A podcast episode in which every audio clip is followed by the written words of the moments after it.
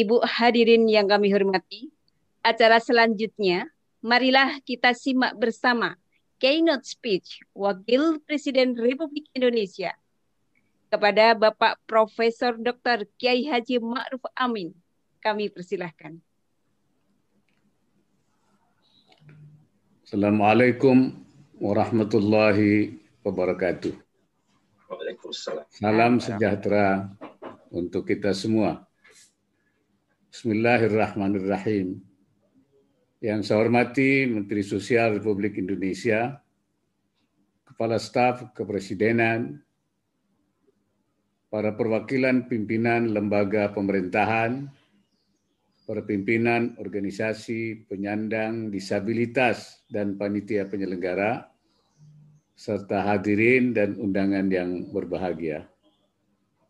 Pertama-tama marilah kita panjatkan puji syukur kehadirat Allah Subhanahu wa taala Tuhan yang Maha Esa karena atas rahmat dan ridhonya pada hari ini kita dapat berkumpul bersama melalui video conference pada acara dialog Indonesia inklusif yang merupakan puncak acara temu inklusi nasional keempat tahun 2020.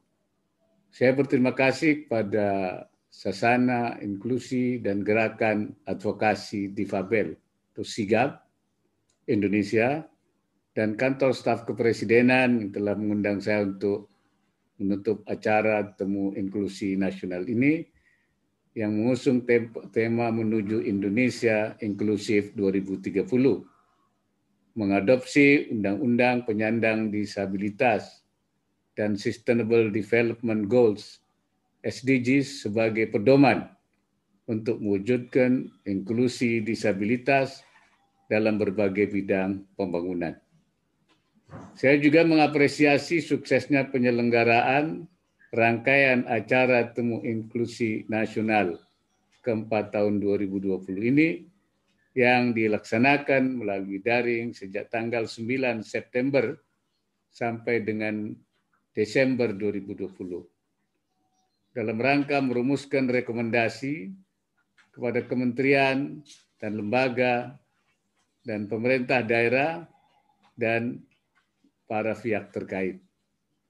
Saya berharap dialog Indonesia inklusi ini dapat membuka ruang dialog berbagai pengalaman dan gagasan antara organisasi-organisasi difabel organisasi-organisasi masyarakat sipil, dan pemerintah untuk merencanakan inklusi disabilitas di dalam pembangunan. Sebagaimana diketahui bahwa dialog Indonesia inklusif pada hari ini sekaligus juga, memperingati tiga momentum penting lainnya, yaitu Hari Disabilitas Internasional, Hari HAM Internasional, dan Hari Kesetiakawanan Sosial Nasional HKSN. Saya berharap tiga momentum tersebut dapat menjadi semangat kita bersama dalam mempromosikan nilai-nilai inklusi serta penerimaan dan penghargaan terhadap kapasitas difabel di berbagai bidang pembangunan untuk mencapai Indonesia inklusif 2030. Hadirin yang berbahagia, Sebagaimana kita ketahui bersama, pemerintah Indonesia telah meratifikasi Konvensi PBB tentang hak penyandang disabilitas, United Nations Convention on the Right of Person with Disabilities, UNCRPD melalui Undang-Undang Nomor 19 Tahun 2011 dengan demikian, instrumen internasional tersebut telah berlaku efektif sebagai peraturan nasional yang mengikat bagi kita semua. Penyelenggaraan Temu Inklusi Nasional keempat tahun 2020 relevan dengan arah kebijakan pemerintah saat ini sebagai upaya penghormatan, perlindungan, dan pemenuhan hak penyandang disabilitas dan sebagaimana diamanatkan Undang-Undang Nomor 8 Tahun 2016 tentang penyandang disabilitas, pemerintah telah menerbitkan Perpres Nomor 68 Tahun 2020 tentang Komisi Nasional Disabilitas KND, pembentukan Komisi Nasional Disabilitas yang keanggotaannya mengakomodir peran aktif unsur disabilitas, diharapkan mampu menyusun berbagai rencana aksi dan menyelenggarakan advokasi pelaksanaan penghormatan, perlindungan, dan pemenuhan hak penyandang disabilitas. Pemerintah juga telah menerbitkan pedoman bagi para pihak dalam bentuk rencana induk penyandang disabilitas RIPD melalui peraturan pemerintah Republik Indonesia nomor 70 tahun 2019. Saya berharap RIPD ini dapat dilaksanakan dan menjadi acuan bagi seluruh pemangku kepentingan baik di tingkat nasional, provinsi, dan kabupaten kota dalam mengembangkan perencanaan, penyelenggaraan, dan evaluasi program dan kegiatan yang inklusif bagi penyandang disabilitas. Diterbitkannya undang-undang dan peraturan pelaksanaan mengenai perlindungan terhadap penyandang disabilitas menegaskan bahwa pemerintah Indonesia sangat serius dalam memberikan perhatian dan melindungi hak hak masyarakat inklusi di berbagai bidang kehidupan. Dalam kesempatan yang baik ini, saya atas nama pemerintah, saya minta agar semua pihak bersinergi dengan melibatkan semua unsur yang ada, baik pemerintah maupun masyarakat, termasuk organisasi penyandang disabilitas, serta penyandang disabilitas itu sendiri di dalam rangka mewujudkan masyarakat inklusi Indonesia.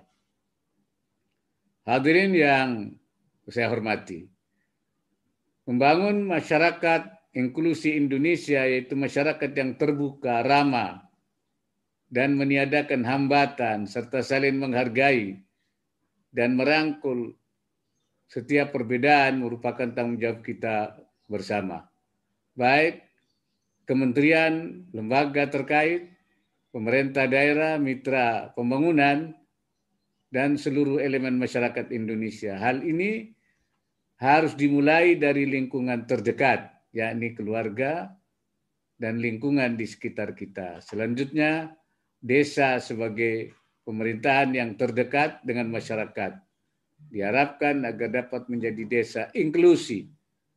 Melalui gerakan inklusi dari desa, diharapkan para pihak dapat berperan dan membantu memberikan edukasi dan mendorong kesadaran bagi setiap anggota masyarakat akan pentingnya perlindungan terhadap hak-hak masyarakat penyandang disabilitas.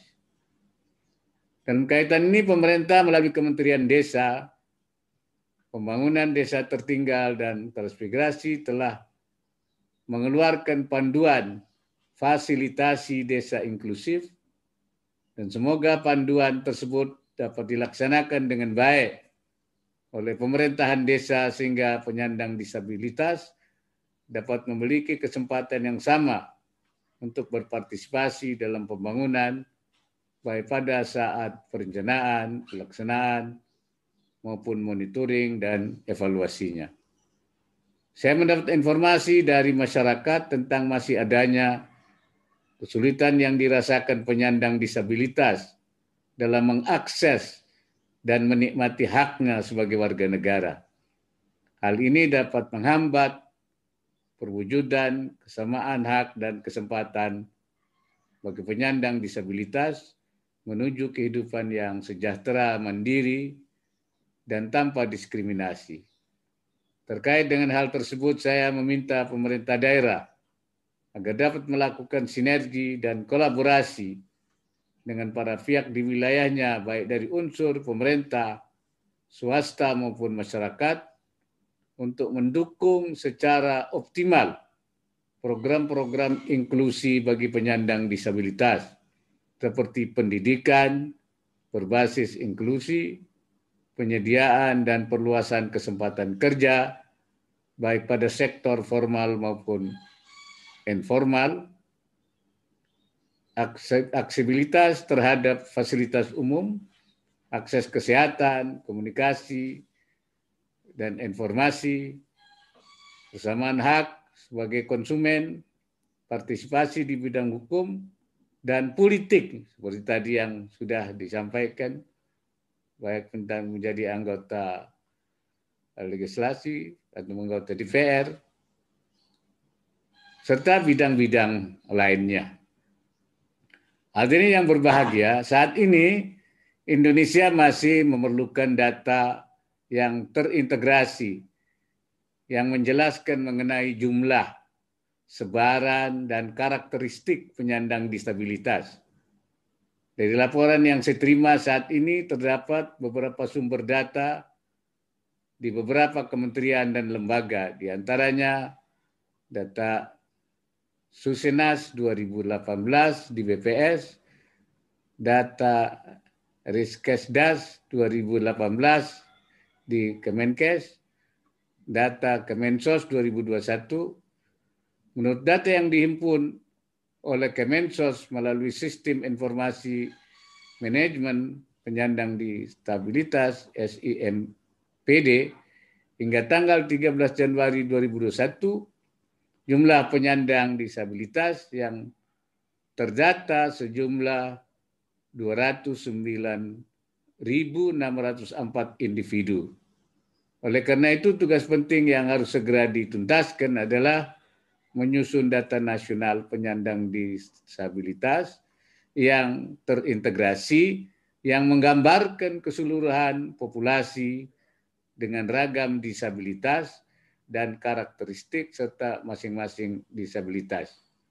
Hal ini merupakan amanat PP nomor 70 tahun 2019 tentang perencanaan, penyelenggaraan dan evaluasi terhadap penghormatan dan pemenuhan hak penyandang disabilitas, khususnya terkait pasal tentang ketersediaan data nasional disabilitas.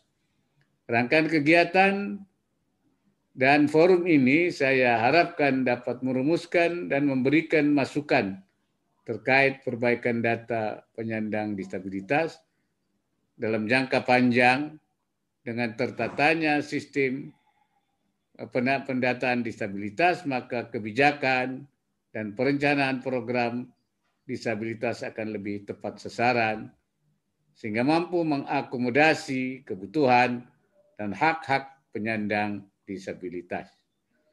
Hadirin yang berbahagia, dalam RPJMN 2020-2024 digariskan bahwa kebijakan pembangunan Indonesia ditujukan untuk membentuk sumber daya manusia yang berkualitas dan berdaya saing, yaitu sumber daya manusia yang sehat, cerdas, adaptif, inovatif, terampil, dan berkarakter. Dalam mencapai tujuan tersebut, kebijakan pembangunan manusia salah satunya diarahkan untuk pemenuhan pelayanan dasar dan perlindungan sosial sepanjang hayat bagi semua, peningkatan produktivitas dan daya saing angkatan kerja dengan pendekatan siklus hidup dan bersifat inklusi, termasuk memperhatikan kebutuhan penduduk usia lanjut maupun penduduk penyandang disabilitas. Melalui kebijakan ini diharapkan semua akses baik akses pendidikan, pekerjaan, sosial, layanan publik, dan semua aspek kehidupan terbuka lebar dan yang lebih penting dapat membentuk ekosistem yang ramah yang dapat menerima penyandang disabilitas sebagai bagian dari anggota masyarakat dengan potensi yang sama dengan anggota masyarakat lainnya. Saya juga meminta agar kualitas sumber daya manusia penyandang disabilitas terus ditingkatkan sehingga mampu berpartisipasi dan berkarya pada semua bidang yang setara dengan seluruh warga negara Indonesia. Terkait dengan hal ini, dukungan dan komitmen jajaran pemerintah dan semua pihak terkait sangatlah penting dan diperlukan untuk melakukan penyesuaian dan penyempurnaan program pendidikan yang berbasis pendidikan inklusif, baik formal, non formal maupun juga vokasional. Sehingga dapat meningkatkan kualitas sumber daya manusia penyandang disabilitas.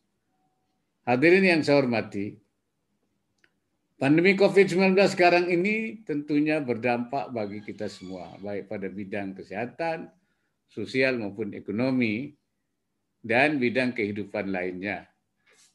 Saya percaya dengan semangat dan usaha yang terbaik dengan diiringi doa serta inovasi dan kreativitas, kita dapat insya Allah melewatinya bersama. Saya juga mengingatkan kepada seluruh hadirin dan para pihak terkait serta seluruh lapisan masyarakat agar turut mendukung program vaksinasi COVID-19 serta terus berdisiplin mencegah dan memutus mata rantai penyebaran virus corona dengan menerapkan protokol kesehatan mulai dari lingkungan terdekat yaitu keluarga hingga lingkungan sekitar kita. Hadirin yang berbahagia, demikianlah sambutan saya akhirnya dengan mengucap Bismillahirrahmanirrahim saya ucapkan selamat melaksanakan acara Dialog Indonesia Inklusif tahun 2021.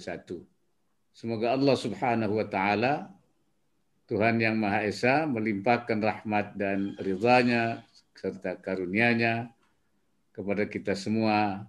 Amin ya rabbal alamin. Terima kasih.